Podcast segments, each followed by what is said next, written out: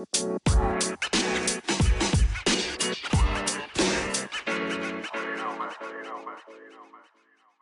everyone and welcome back to our podcast. Um, line up-nya sih sama kayak mi- minggu lalu, cuman yang ngebedain adalah nggak ada Raifa. Raifa lagi sibuk nugas, guys. Oke, see.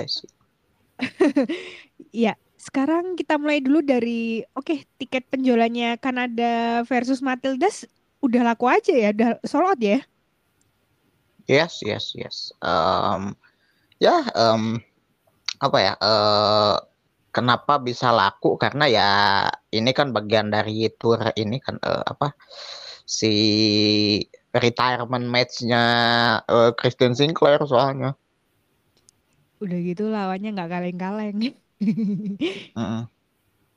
Jadinya Jadi ya hitung-hitung ya apa ya? Eh istilahnya ya ini the last dance lah buat dia tuh.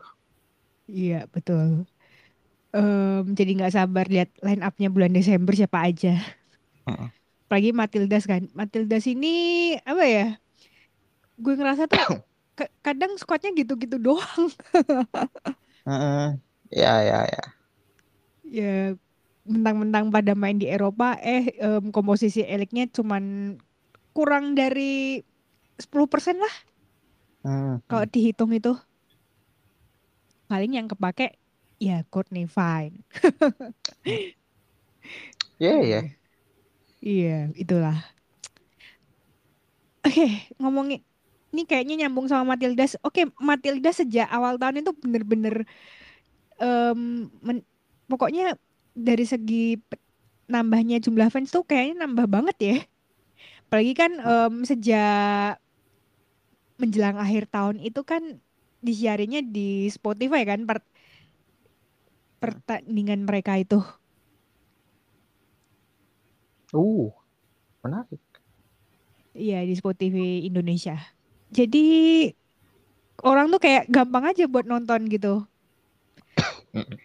Kalau nggak punya hak siar, ya bisa disiarin di YouTube-nya Matildas. Heeh. Cuman walaupun Matildas ini lagi emang lagi naik grafiknya, cuman gue seringnya cuman satu. Em, lu nyari midfield tuh nyari yang tipikal midfielder gitu loh. Kebanyakan midfield lo itu isinya yang tipikal bertahan semua kebanyakan. Hmm. Kayak kemarin yang waktu Piala Dunia tuh kelihatan banget sih. Hmm, hmm, Mary sama si Sam Kerr itu jadinya jatuhnya agak kesulitan juga gitu. Hmm. Bisa dilihat tuh pas lawan Prancis.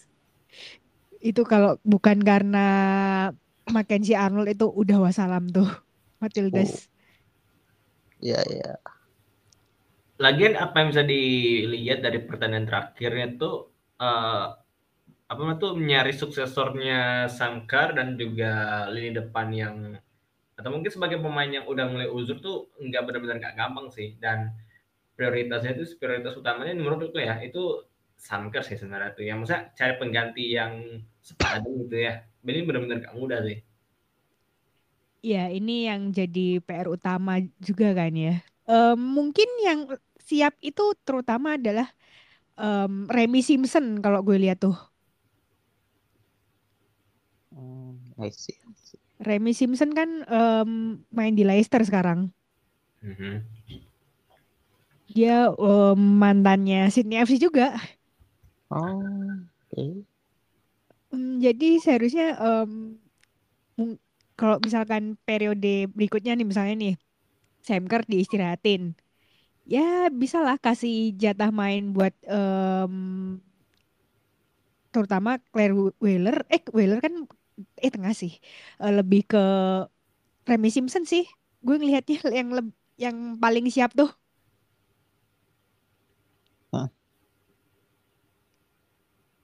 Mbak Oh. apa tuh Mbak Remy ya Remy apa Remy sih Remy Remy ya Remy Simpson.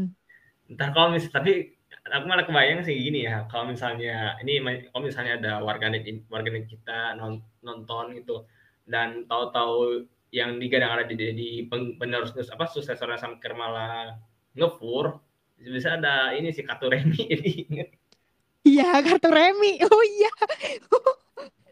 Oh, I see, I see. Eh, well, kemudian kan kalau playmaker kan udah jelas nih em, Mary Fowler. Cuman Mary Fowler juga perlu dukungan dong. Bener gitu di uh, sektor playmaker itu memang ini sih uh, mungkin Mary Fowler, eh, Mary Fowler itu rada-rada apa tuh ini dalam hatinya itu rada kesel sih maksud kesel dalam artian gini ini emang nggak ada yang nerusin nerusin langkah apa gimana nih Iya benar. um, kemudian tuh McNamara juga sabi.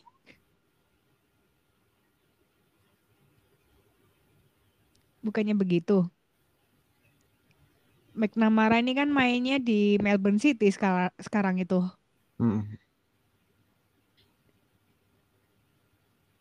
Um, kemudian mungkin Larissa Krumer juga ya di Brand juga lagi slaying sih.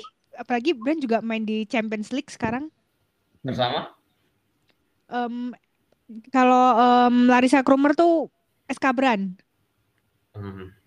SK Brand. Salah satu tim ini sih tim uh, apa ya bisa dibilang salah satu tim populer di Norwegia gitu kan Iya, yes, dia itu satu klub sama Amalie Ekland sama Andrin Hegerbeck.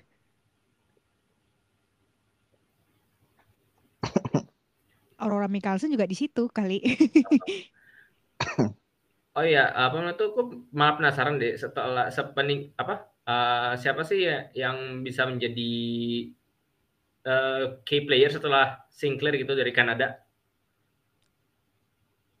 Bangas tuh apa uh, apa apa gimana?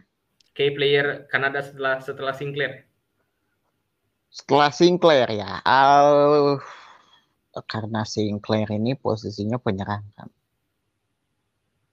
Mm-hmm. Penyerang um, siapa paling uh, yang agak dimasuk pertimbangan sih kayak high tema mungkin masuk lah walaupun emang dia masih belum perform juga gitu masih belum belum terlalu apa ya belum belum terlalu doing well. Terus selain itu sih mungkin ada kayak uh, Leon juga bisa tuh Adriana Leon. Terus coba lagi ya? Uh, Fiangs mungkin ya Evelyn yeah, Evelyn Fiangs yeah. bisa Evelyn Fiangs uh, terus paling itu sih belum ada lagi sih soalnya um, apa yang doing well gitu. Paling mungkin selain itu ya um, tadi kan high tema mungkin mungkin high tema op opsi kesekian lah karena dia belum uh, emang oke okay, tapi belum terlalu oke. Okay. terus ya paling yang utama sih Leon ya. Leon terus Piang sama paling sama Nisea Prince mungkin ya Oh iya, Prince. Atau Jenain juga bisa, walaupun emang dia masih cedera sih. Ya, Emmeline Vines lagi, apa, Fyongs lagi lagi on fire juga di Roma ya. Jadinya, ya, um, lagi, jadinya dia sama Leon sabi tuh ya ini for your information aja ini Fiangs itu kan Fians ya dibacanya. Eh yeah. ditulisnya tapi dibacanya Fiangs karena si Fiangs ini itu dia adalah French Canadian. Jadi mm. uh, dia lahir di Quebec kan. Quebec ini kan negara bagian Kanada yang mayoritas penduduknya berbahasa Prancis for, for your information. Sama seperti Vanessa Gilles ya Uh, ya, Gie juga lahirnya di uh, ya Quebec juga Gie terus siapa lagi ya kalau yang di Quebec tuh kalau beberapa yang gue tahu tuh Gie, uh, Fiang sama Brooks juga. Liziang Brook yang kiper tuh. Oh Kipernya iya. Melbourne City itu juga lahirnya di Quebec tuh. Oh iya, ini menarik juga nih Melbourne City.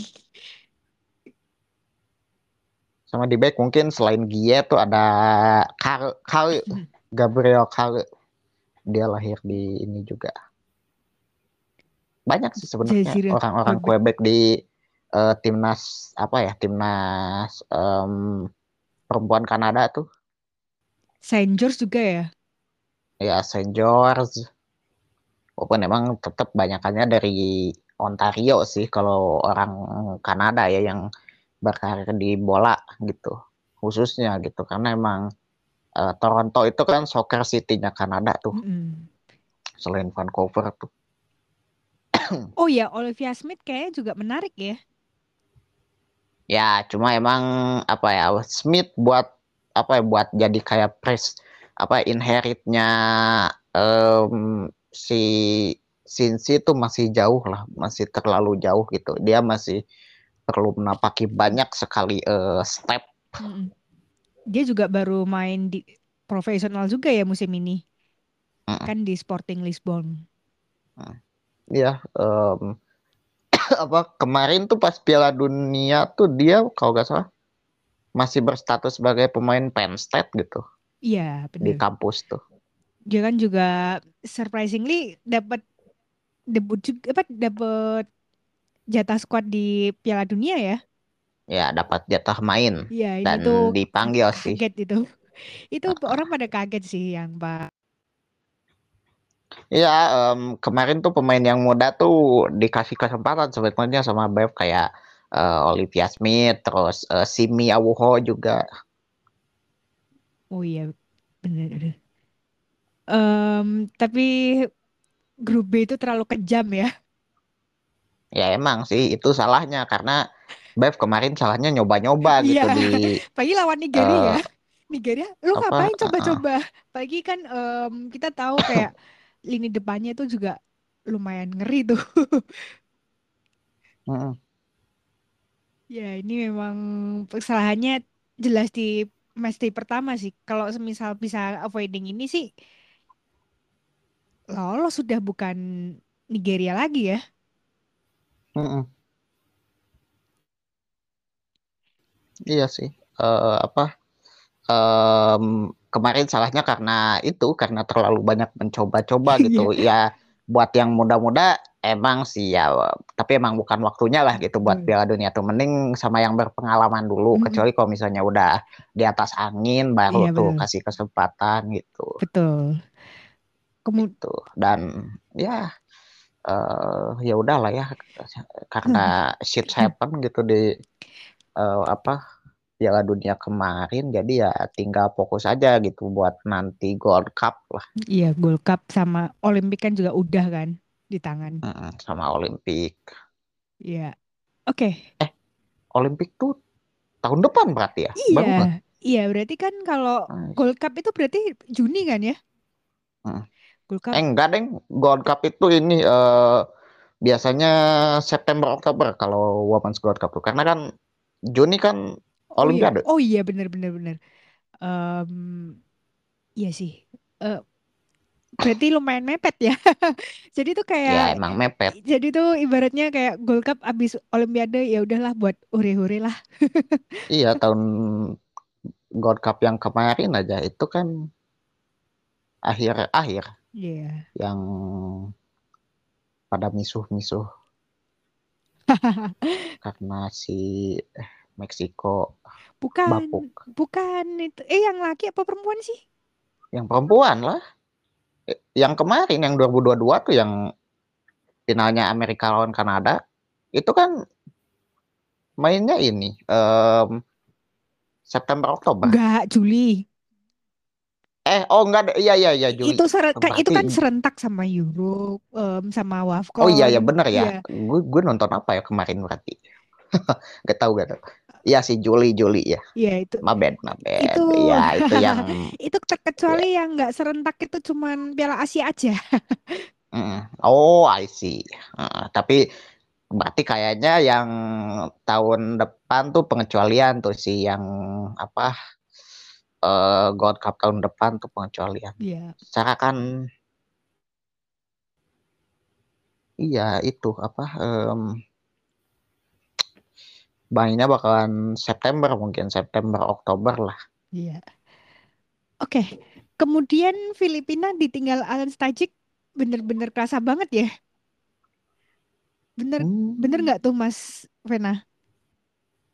Filipina eh, entah kenapa itu uh, entah kenapa mungkin uh, bisa dibilang uh, ada sesuatu yang hilang sih selepas Piala Dunia kemarin. Jadi kayak uh, entah kenapa itu Filipina mungkin rada-rada uh, mungkin bisa dibilang enggak kalaupun misalnya berjuang pun enggak oke okay lah uh, enggak apa enggak semudah yang dilihat di pas Piala Dunia kemarin. Tapi kalau lihat dari beberapa, pertandingan terakhir kok kok rasanya ada yang hilang gitu. Enggak ada bukan yeah. Iya. uh, yang kita kenal sebelumnya gitu. Mm -mm. Apalagi yang waktu waktu di bantai sama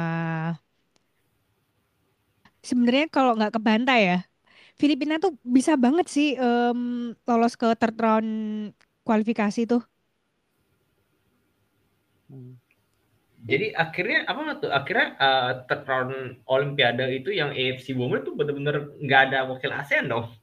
Atau nggak ada, nggak ada sama sekali. Jadi tuh um, yang udah tuh berarti um, Uzbekistan lawan Australia sama um, Korea Utara lawan Jepang. Jadi dua pemenang ini yang lolos ke Olimpiade. Hmm, I see. Makanya ya kalau seandainya nggak dibantai mungkin lain cerita ya. Udah gitu tadi um, yang lawan Iran juga nggak klinikal sama sekali. sama kayak Australia kemarin tuh juga susah tuh lawan Iran. Ampun. baru baru bener-bener bangun tidur tuh pas samker masuk Ya, ya, ya. Eh, by the way, uh, ASEAN Women's Cup tuh mainnya kapan sih? Women's Cup itu berarti seharusnya itu ya. Um, Tahun depan kan? Itu buat kualifikasi Piala Dunia itu biasanya. Oh, yang ini buat kualifikasi Piala Dunia. Betul. Jadi tuh yang sekarang tuh. Jadi tuh berarti main tahun 2026. Oh. Wait. 2026 Iya, itu Piala Asia kan empat sekali. Oh iya iya iya. Oh berarti bareng sama World Cup laki-laki berarti. Oke oke. Iya, biasanya gitu sih Piala Asia itu sama apa Copa Amerika. Terus CONCACAF oh, juga. Iya, iya. CONCACAF tuh juga sama. Kalau CONCACAF sih uh, 2026 nggak main sih. Iya, nah itu. Um... Gold Cup tuh. Jadi Gold Cup yang sekarang tuh bakalan jadi 4 tahun sekali lagi gitu. Oh gitu. Nah, eh, tapi emang 4 tahun sekali sih yang apa kemarin juga kan itu 4 eh, terakhirnya 2018 tuh. Yeah. Baru main 2022 gitu. Iya. Yeah. Dan main lagi tuh eh, dari 2024 kenapa digeser ke 2024 karena nantinya bakalan uh, apa ya clash sama Piala Dunia ini apa yang laki-laki makanya digeser ke 2024 sekalian sama uh, inaugural edition soalnya kan yang 2024 tuh pertama kalinya kan pakai nama Gold Cup tuh. Iya, iya benar-benar. Soalnya kan yang kemarin masih CONCACAF W gitu Oh namanya. gitu. Oh iya CONCACAF W itu kan kayak buat patokan kualifikasi Pildun kan. Hmm sama Olimpiade juga sih. Iya. Um, kan tiketnya cuma satu Olimpiade. Iya, dan diambilnya dari juara ini. Iya, dari juara juara Kemarin iya, ya. bener. USA. Hmm, iya iya iya. Pantas jadi kayak uh, mungkin kenapa uh, disederhanain ya biar ini sih biar para pemain itu uh, bisa punya ya setidaknya waktu lah untuk uh, mendingin uh, kayak cooling gitulah. Iya. Benar-benar. Um, Oke, okay.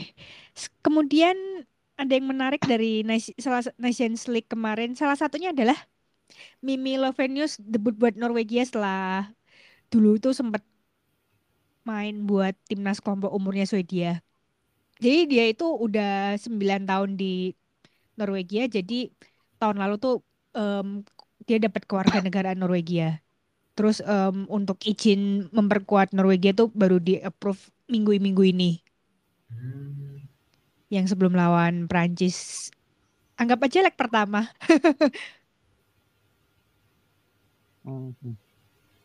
Em, makanya agak kaget juga sih. Lah, Mimi kok main di Norwegia? Ternyata udah lama. Cuman apa namanya tuh mungkin eh, apa namanya tuh mungkin cuma mungkin eh, masalah administrasi lah paling yang eh, terlalu apa yang terlalu lama lah gitu. Jadinya baru munculnya tuh awal eh, minggu-minggu ini sih. Iya, betul. Em, apalagi pas banget Nations League gitu kan. Hmm. Kemarin waktu dia habis nyanyi lagu kebangsaan tuh dia kayak nang pokoknya pas sepanjang lagu kebangsaan diputar tuh dia nangis itu. Nangis itu paling lah lebih ke ini sih eh, lebih ke bahagia akhirnya bisa eh, ber, apa, bisa pakai ini sih merahnya merahnya Norwegia gitu lah.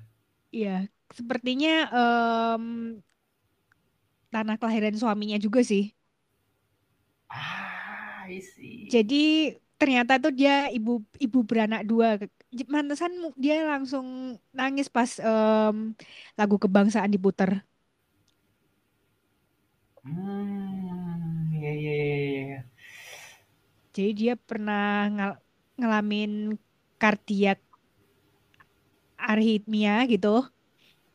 Oh, Em, ini ya penyempitan pembuluh darah. saluran jantung. Iya, Ya, iya. pembuluh darah. Iya, jadi itu em, dokter bilang lo harus pensiun gitu. Ya, Ya, itu itu penyebab pensiun biasanya kalau pemain bola tuh kayak gitu. Eh, salah satu yang terkenal sih yang kena aritmia, kardiak aritmia tuh di laki-laki tuh Sergio Aguero tuh. oh iya iya iya. Em, dia tuh kena diagnosanya tuh 2009 pas masih di Swedia. Hmm. I see, I see. Em, jadi tuh em, 2013 tuh dia eh 2014 tuh dia baru main di Norwegia.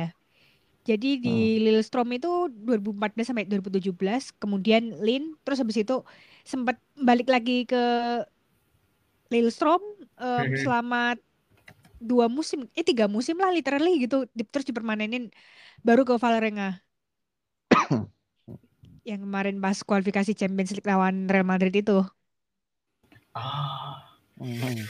hmm, iya iya iya, iya. Kurang lebih begitu. Jadi pas em, yang lawan Prancis di kandang itu dia dapat pe- pemain terbaik, predikat pemain terbaik Norwegia pada hari itu langsung. Oh, Oh. Terus kemarin dia juga starting lagi. ah, sih sih sih. Eh tapi kalau di Women's National League sendiri udah ada yang konfirm konfirmat turun nggak sih? Misalkan dari Liga A ke Liga B gitu? Belum ada. Degradasi. Belum ada ya Baru yang degradasi. baru ke- baru yang promosi aja sih. Em, jadi Turki promosi ke Liga B, terus kalau Irlandia ke Liga A. Tapi ngomong-ngomong, Norwegia tuh lagi bahaya tahu di dasar klasmen.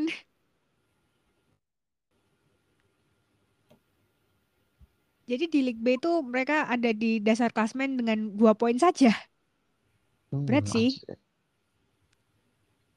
Nah, ini mah berat. Padahal grupnya ya kayak Perancis, Austria sama Portugal kan.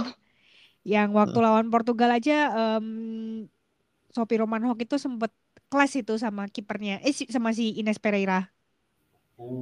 Makanya debut dia di Liverpool tuh ketunda. Mhm. Lebih gitu. Em ya Nations League kemarin tuh bener-bener plot twist sih. Hmm, nge-tweet ini sih apa itu? Plot twistnya tuh karena em Inggris kalah dari Belgia. Lu bayangin dah. Hmm. Tapi sayangnya pertandingan kemarin tuh em, Alex Greenwood tuh sempat insiden sih. Makanya dia ditarik keluar lebih cepat. Hmm. Belgia kalau di perempuan tuh tier B ya Iya, tier B sebenarnya. Memang sih di level Eropa tuh dia mereka suka bikin kejutan dari empat tahun lalu sampai eh enam tahun lalu sampai sekarang. Tapi kalau begitu ngomongin soal kualifikasi Piala Dunia, itu tuh pot-potan banget sumpah. Hmm, Iya, iya, iya. Ya tipikal sih kan kalau di Eropa karena slotnya buat Eropa doang jadinya ya wajar gitu. Kenapa Iya. ada kayak tim-tim kayak Belgia gitu. Kalau yang di perempuan ya mungkin kayak eh, Belgia kan masuknya tier B tuh. em. jadi emang B yang dekat A mungkin ya. Iya, B yang deket Atau A. emang B yang beneran B gitu. Em, apa ya? Lebih kayak ke mid-nya B gitulah. Kalau ngelihat em, konsistensinya si Belgia ini. Ibarat apa ya? Emang tuh eh, terlalu jago di level sekarang tapi terlalu payah di level atasnya gitu. Ya, kurang lebih kayak gitu. Apa- Oh, apalagi oh, nang nanggung. ya level nanggung lah. Terus habis itu em, manajemen squadnya itu juga agak-agak gimana gitu. Gue masih agak nggak ngerti sih.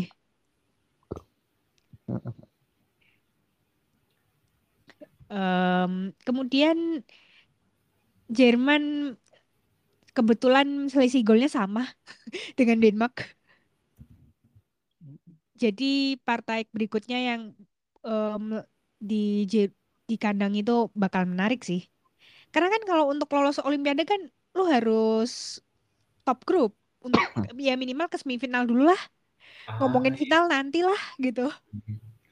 Emang eh, maksudnya gini, em, semua eh, kontestan WN- WNL ini maksudnya stadionnya nomad gitu atau ada yang stay gitu di satu, di satu stadion untuk musim perdana ini? Eh, stadionnya ya. Hmm. Kalau yang gue tahu ya, stadion yang tetap itu cuman Denmark. Denmark itu kalau cewek itu base-nya di Viborg. Viborg. Iya, Viborg. Berarti kalau misal Jerman tuh nobody nih, misalnya di pertandingan A mis- eh, di Leipzig, di pertandingan B di Berlin gitu. Iya, kurang lebih kayak gitu. Iya, muter-muter. Kayaknya cowoknya juga muter-muter kan? Ya, berarti tipikal negara yang nggak punya base kayak kayak gitu tuh. Iya. Kayak Amerika aja. Amerika kan nggak punya base tuh, nggak punya apa? eh ya home base tetap lah gitu. Kalau kayak Indonesia kan Indonesia punya GBK tuh eh, Iya. buat pusat tuh. Eh, kalau di Amerika kan kayak eh, pertandingan ini jatahnya negara bagian sini, pertandingan ini jatahnya negara bagian sini dan itu tuh di bidding tuh Iya, betul. pertandingan tuh. Ka- oh ya, sama yang punya home base tetap itu si Scotland, Hampden Park. Oh iya sih, Hampden Park. Emang Hampden Park kan stadion timnas. Iya. Em, kurang lebih ya cuman dua tim ini aja sih. Oh ya, kalau Irlandia tuh Tallaght Stadium. Biasanya mereka pakainya itu terus. Stadion bola yang terkenal di Irlandia apa ya? Gue lupa. lagi. Afifa. Oh iya, Aviva. Tapi Aviva kan eh murni bola gitu atau atau dipakai buat olahraga lain juga. Gue gue lupa. Afifa tuh kayaknya dipakai buat olahraga lain juga kan ya? Kalau Multi, salah sama rugby gitu. ya multi sport sih, multi sport ini sih, multi sport Iya. stadium sih. Ya, Ya, mau lebih ke multi multisport. uh, uh, multi purpose. Ya, sam ya bener. Em, Iris Rugby Football Union sama Irlandia tapi dalam eh, tanda kutip cowok. Cewek tapi kemarin Pak pernah sih main di Aviva tuh lawan Irlandia Utara yang bulan lalu itu. Ah.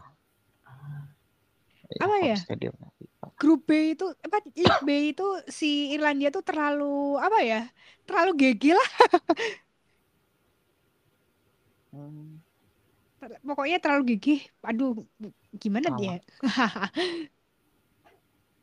Jadi ya nggak ada lawan emang Irlandia. Makanya mereka langsung promosi tuh. Soalnya kan 12 banding 5, apa yang mau dikejar? Ya kurang lebih gitu sih. Kemudian Norwe Norwegia ini bener-bener turunnya tuh sesuatu banget sih. Heeh. Tapi yang paling hancur tuh so far ya Swiss sih. Goal difference-nya aja sampai match day 4 itu minus 13. Ini benar-benar tricky sih bagi eh, ini ini Swiss ini agak agak agak agak tricky sih sebenarnya ya. Selain untuk ini selain untuk menyelamatkan diri dari jeratan degradasi ke bawahnya itu ini Swiss ini juga mem- memanfaatkan ini sebagai persiapan sebagai ini sih host Euro 2025 gitu. Thanks to remind me. Tapi iya sih, eh, ini jadi concern. Pagi nih, oh, Women's Euro kenapa kayak gini gitu. Hmm. Kemudian Swedia yang kemarin silver medalis tuh rasanya mungkin untuk lolos ke semifinal pun agak berat karena beda poinnya udah lima poin sendiri sama Spanyol. Hmm.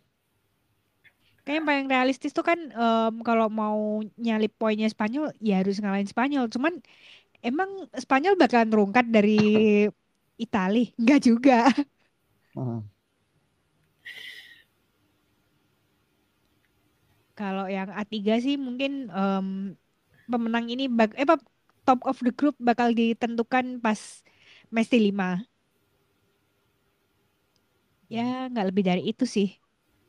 Kalau grup A3 tiga itu sebenarnya em, setelah Jerman sama Denmark itu bedanya juga jomplang.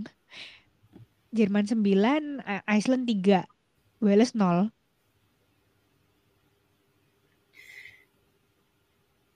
Hmm, apa mana tuh ngomongin Spanyol ya? Aku aku baca ini kan baca baca Twitter ya di Twitter kan di dari ini Medio Club.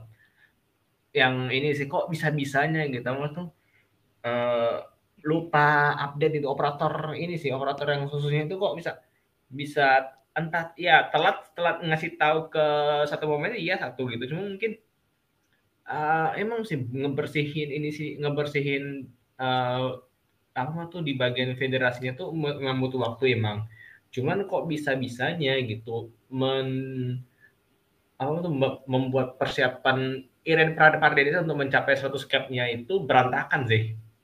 Iya bener. Em, ini tuh kayak, ini kayaknya em, ada salah satu anteknya Bapak Botak yang belum dicopot ya. Mungkin bagian orang database ini ya. Makanya kok bisa em, Iren Paredes ini em, database-nya nggak diupdate gitu. Hmm. Sampai dia harus diberitahu di hotel. Padahal dia tuh sebenarnya em, berpeluang buat caps ke 100 kemarin. Ya sayang aja gitu loh. Cuman gara-gara database lu gagal caps ke 100. Bukan gagal sih, cuma lebih ke eh, mesti nungguin pertandingan berikutnya sih baru bisa tuh. Itu pun kalau starter ya. Kalau starter sih gue ngelihat tergantung nanti pas habis dilihat dari kondisi setelah di liga itu. Nah, iya makanya gitu. Nah, iya makanya gitu. Lah dari berbagai faktor sih. Ya, kurang lebih. Em, next itu wait, next itu bentar, bentar weh. Iya, itu tanggal 5 Desember sih Spanyol lawan Swedia itu. Kalau Swedia imbang sih ya udah wassalam. Wassalamualaikum Olimpiade. Padahal Hmm. Swedia itu selalu lolos ke Olimpiade gitu-gitu. Terakhir kali Swedia gagal ke Olimpiade tuh kapan sih? Kayaknya belum co- coba kayak belum pernah deh. Setahu gue tuh pasti ada si Sweden sih. Oke, apa ya? Longest streak gitu ya? Salah satu Iya. longest streak gitu ya? Ya kurang lebih eh, mereka pasti langganan main di Olimpiade sih. Em, ya kita cek dulu dah. Siapa ta- tahu eh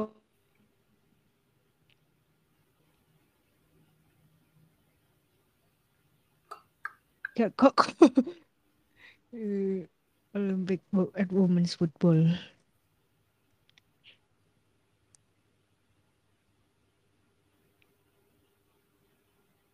Tapi kalau em, dapat med- medali sih baru pas Rio 2016 sih.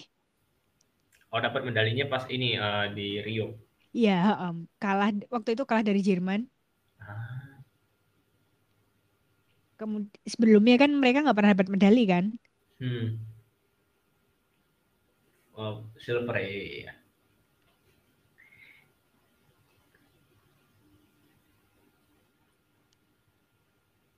2004 ada.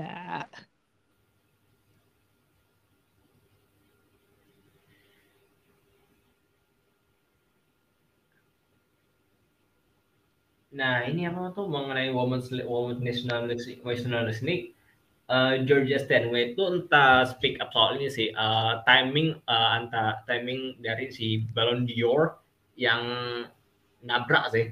Ya, ini tuh sejak musim lalu ya. Ini tuh musim lalu, terus um, French football tuh seolah nggak pernah belajar. Hmm.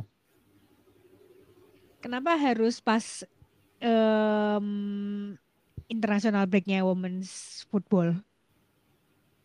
Harusnya kan kalau ide mau ideal kan um, paling Januari kan? Hmm. Kayak FIFA kan um, dulu zamannya nyampe pokoknya nyampe 2016 itu pasti bulan Januari. Jadi nggak bakal clash gitu loh. Hmm. Iya sih. Tapi ya susah kalau kayak gitu. Um, apa ya? Liburnya sih utamanya ya. Iya liburnya itu. Liburnya terlalu singkat. Iya, padahal kan um, kayak Monse Tome kemarin tuh udah kayak latihannya di adjust supaya um, kayak si Aitana sama Salma tuh bisa datang. Hmm. Oh iya, Oke. aku, oh iya aku baru malah keingetan sih, so, kan apa yang dibutuhkan uh, apa namanya tuh oleh uh, penikmat sepak penikmat women's football atau soccer gitu uh, selain penghargaan kiper sama ini sih gol ini kalau di men's kan namanya puskas kan nah kalau women's apa namanya tuh yang untuk uh, semacam puskas yang serupa sama puskas awards Kok Puskas sih? Em, ya kan ada dua tuh ya yang di di di Ballon d'Or itu kan nganu. Di Ballon d'Or itu kan ada Gerd Muller, terus Kopa sama em, Yasin Trophy. Hmm. Em, kalau kiper mungkin Anger Trophy kali atau Brianna Skuri? ya kan Ya. ya, iya sih itu akan akan ya kayak ya kan maksudku lebih ke apa ya lebih apa lebih ke apa ya Uh, balon yang dari France Football satu yang ini sih kan kadang kala kan di Women's Football kan suka ada tuh yang kenapa kenapa aku apa kepikiran untuk yang ya semacam ada kayak Puskas Award di Women's ya kan soalnya di kadang kala di momen tertentu kan ada suka ada sih ada ada sih apa namanya tuh gol-gol yang eh menakjub nah, yang bikin eh, yang enggak yang apa gol yang unexpected sih Hmm. Hmm, hmm. Em, kalau Puskas Award-nya versi, misal, misal ada khusus cewek, kira-kira namanya apa dong? Hmm. Hem trophy mungkin. Iya, Hemtro, iya itu kan kayak ekuivalennya Gerd Muller ya kalau di Ballon d'Or ya. Iya, gue tuh mikirnya gitu. Lebih cocoknya eh, Mia Hamm Award buat goal scorer, terus Anger Trophy buat kiper. Ya karena mau ngambil siapa lagi gitu kan. em, secara kan women's football ini kan umurnya belum lama tuh. Dan legenda-legendanya juga kan masih pada hidup gitu. Iya, Kalau iya kalau betul. kalau dia laki-laki karena range ininya udah panjang kan banyak legendanya yang emang udah eh, Udah res- ada. udah meninggal gitu. Jadi ya emang Iya. sebagai penghormatan gitu. Atau kalau em, goal scorer mungkin em, Heidi Mo, apa Heidi Moore Trophy. Ya bisa cuma kalau ya itu sih kalau pertimbangan market mungkin Hem Trophy itu cocok ya karena Iya, eh, apa ya orang tuh pasti eh, kemungkinan tahu lah siapa Mia Hamm gitu betul. kalau soal women's football. Mia Hamm atau enggak Wambak. Wambak tuh kan saingan terdekatnya si Christine Sinclair kan. Ya, Tapi ada yang bikin ngeganjel lagi sih kemarin pas Ballon d'Or kemarin tuh. Salah satunya adalah yang nyerahin trofi BDO ke Aitana kenapa harus Djokovic sih?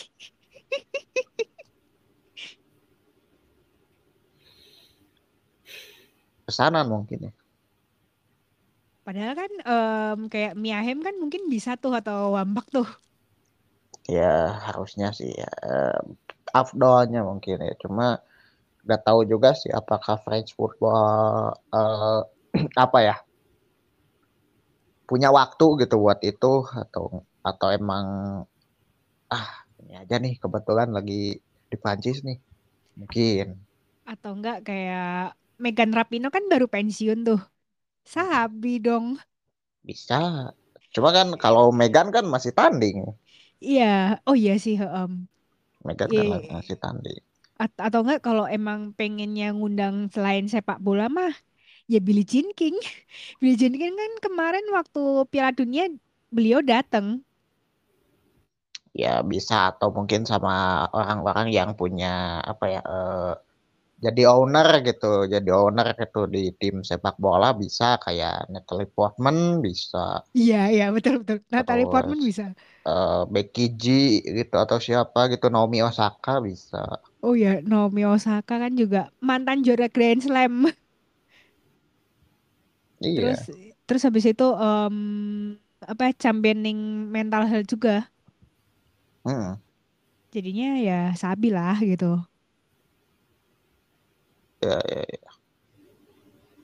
Em, Oke, kemudian ada yang mengejutkan sih dari tadi siang tuh, di mana Christian Endler itu ngumumin pensiun dari timnas Chile pas abis nganterin Chile ke final Pan American Games di rumah sendiri. Bahkan dia nggak bakal main di final Pan American lawan Meksiko 3 November nanti. Ya, ya, ya.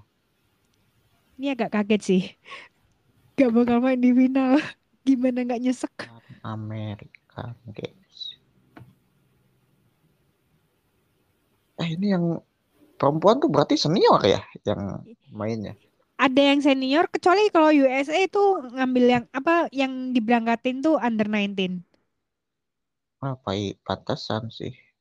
Kemarin gue cek timnas Meksiko ini Meksiko lagi main di mana ini kenapa ada matchnya gitu oh Pan American Games ternyata Eh, pantesan sih covering covering ininya kurang Ya. Ya memang em, gimana ya terbatas aja. Tapi kemarin kan sempet tuh partai pertama tuh pas Meksiko lawan Jamaika kalau nggak salah tuh itu kan nggak ada siaran streamingnya tuh Hmm. sampai di roasting rame-rame tuh sama netizen Meksiko. Hmm.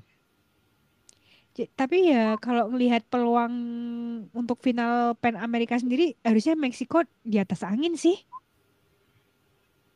ya, ya, ya.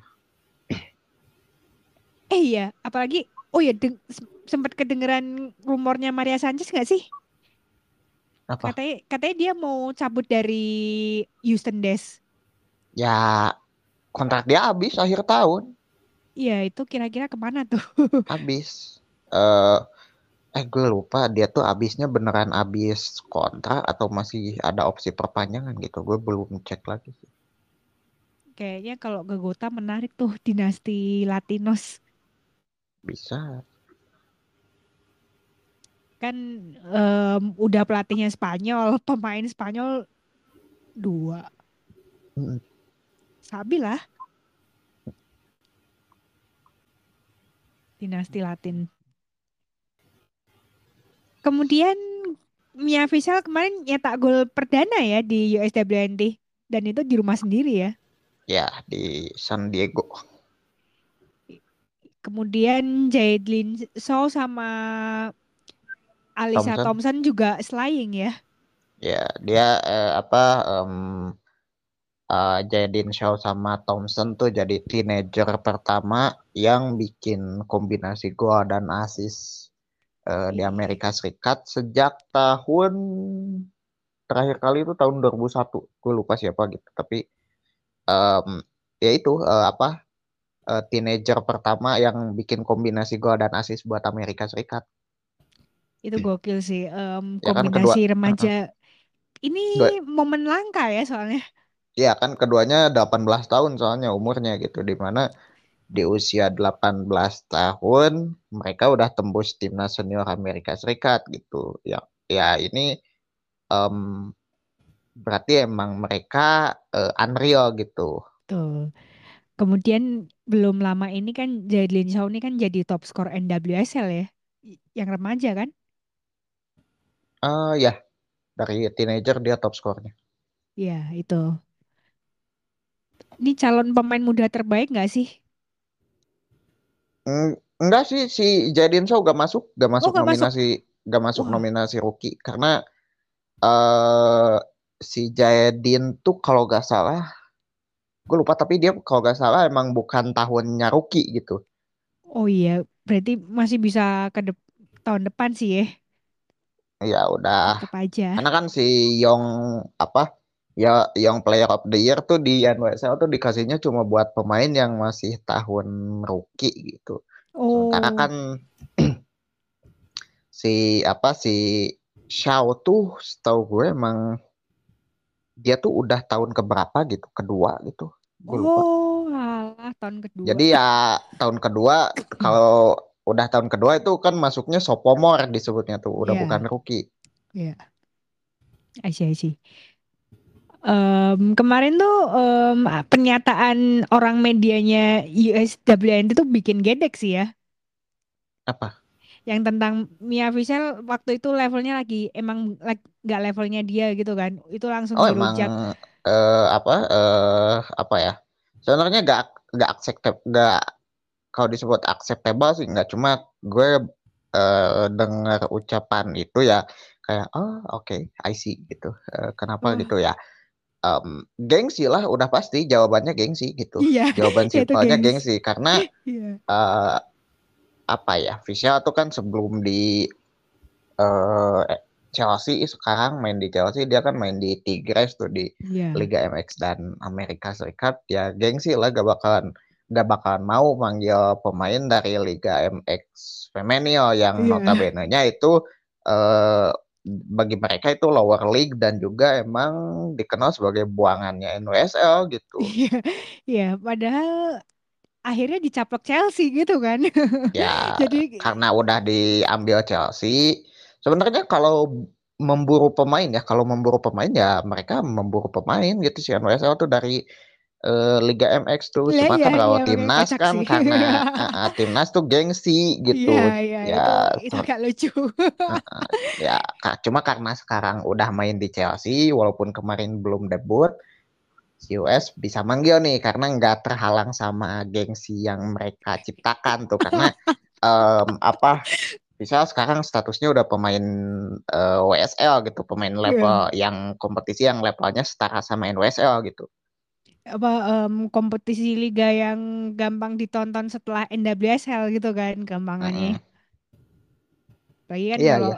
kalau NWSL kan em, kalau di kita kan ada di websitenya mereka kan.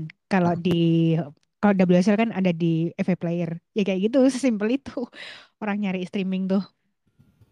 Ya, Em, timing BDO t- tadi udah kita bahas. Sekarang ru- ini yang p- ditunggu kayaknya. Rumor coach barunya USWNT. Jadi ada mengerucutnya tuh tiga. Yang pertama adalah Jomonte Muro, kedua Tony Gustafsson, dan yang ketiga adalah Laura Harvey. Ini kira-kira Hmm. siapa nih yang bakal diambil sama USSF?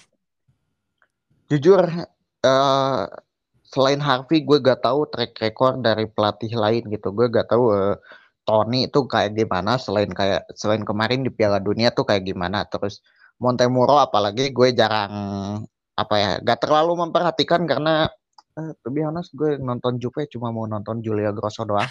Em,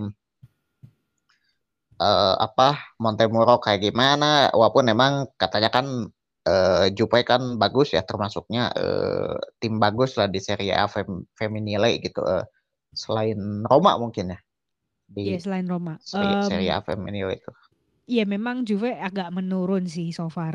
Cuman ya sebelumnya kan bagus kan betul. sebelumnya Eh, em, mereka at least musim lalu masih dapat trofi em, di Coppa Italia. Mm-mm. Iya dan apa ya eh, selain Harvey ya eh, gue gak terlalu ngikutin soalnya cuma em, ini juga kan masuk masih masuknya tuh masih rumor dari jurnalis kan belum kayak eh, statement resmi dari Amerika Serikat bahwa mereka mau eh, apa ya mau mengambil kandidatnya dari mana gitu bisa Iya, jadi kan ada kandidat lain di luar tiga ini gitu iya, Cuma kalau iya. misalnya dari tiga ini ya gue jujur cuma merhatiin Laura Harvey doang gitu. Eh, yang lainnya gue gak terlalu tahu tapi ya yang gue tahu em, mereka bagus lah. Eh, kalau gak bagus ya berarti USW nanti gak, gak akan mempertimbangkan mereka gitu. Em, kalau khusus untuk Tony Gustafsson, dia itu kan pernah jadi asistennya Jill Ellis kan. Oh iya. Em, jadi tuh waktu juara Piala Dunia 2019 tuh ya yang ngebantu Jill Ellis ya beliau ini gitu. Ya, tapi gue kurang kurang tahu sih kalau kalau Tony ya eh, secara pas dia jadi asistennya Gio pun gak, gak terlalu kelihatan sih lebih kelihatan tingkah lakunya Gio sih ketutup kayaknya ketutup saya Iya sama betul tingkah ketutup. laku antiknya si Gio ini Iya betul. Ini ket- ketutup sih.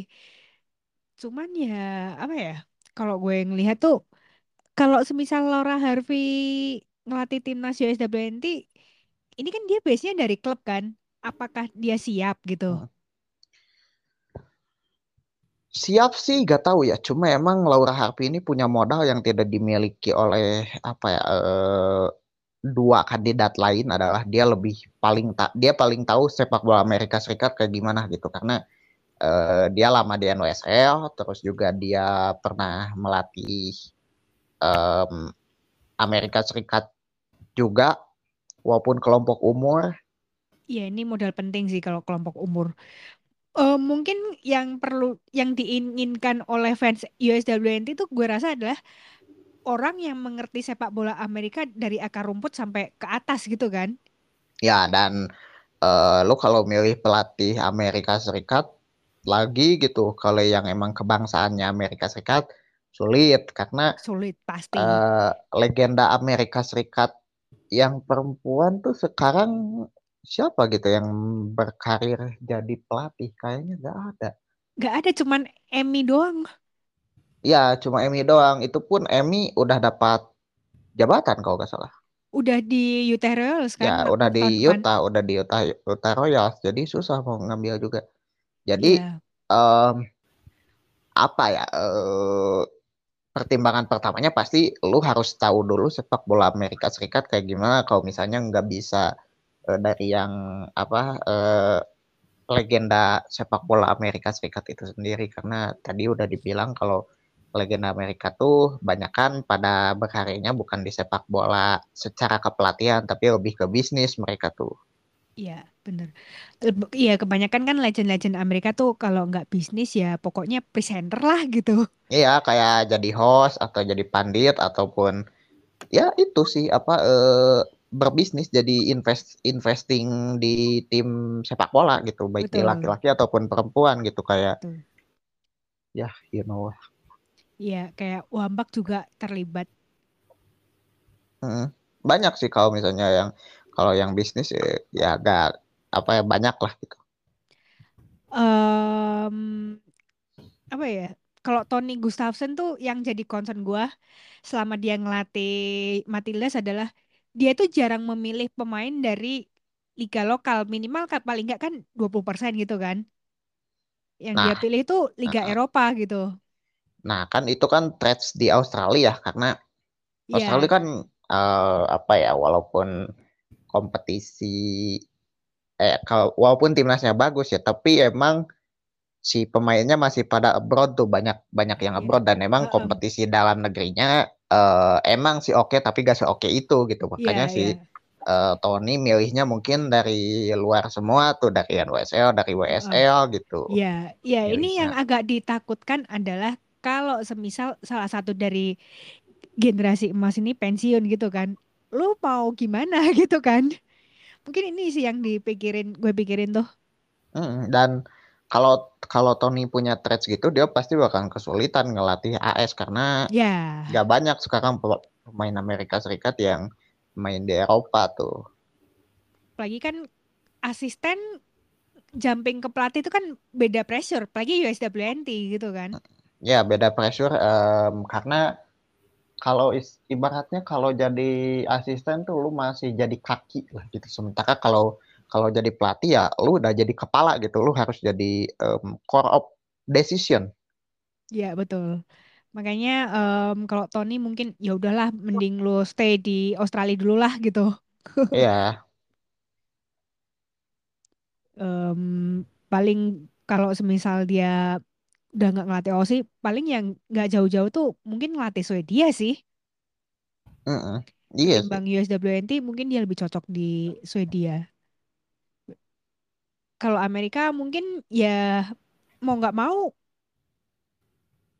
Laura Harvey sih. Mungkin selain Laura Harvey siapa tuh? Siapa ya? Pelatih kosong sekarang siapa? Eh Mark Parson. Parsons em, enggak sih, gue gak Nggak, eh, nggak- nggak kalau timnas melihat. Parsons eh, eh, bakalan cocok di timnas Amerika Serikat karena Parsons buat gue emang lebih cocok sebagai klub man Hmm. sih.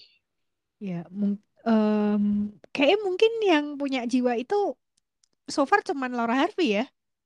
Ya Harvey eh, siapa lagi gitu gak ada sih kayaknya selain Harvey itu. Ya, bener. Makanya em, mungkin kita tinggal tunggu pengumuman aja sih. Gak tahu kapan pengumumannya. Mungkin sebelum, semoga sebelum tahun baru deh atau sebelum Natal. Kayaknya sih secepatnya ya, cuma tahu Mungkin juga. setelah NWSL selesai ya. Iya setelah NWSL selesai selesai karena kalau abis NWSL selesai tuh pemain tuh dipanggil tuh jadi training campnya bisa lebih lama gitu. Iya, betul. Training campnya lebih lama karena kan si NWSL ini off seasonnya lama tuh. Iya. Em, apa berarti berhenti eh apa selesainya NWSL tahun ini tuh November baru mulai lagi sekitar Maret setengah tahun Iya. berarti hampir setengah tahun. Bener, hampir setengah tahun. Ya, sama aja dengan breaknya Elik lah. Kurang lebih kayak gitu. Em, untuk big match sih yang mungkin cuman Arsenal lawan Man City sama Bayern lawan Wolfsburg sih hari Minggu nanti. Ya, semoga tidak ada plot twist lah. Tapi semua pertandingan big match yang gue sebutin tadi bisa lo tonton di Sport lewat Dance TV. Jadi nanya, nanya kur- kurang lebih mulai dari 35.000 ribu sebulan. Kayaknya sih bebas pajak sih. So far. Oke, em, udah hampir satu jam lebih.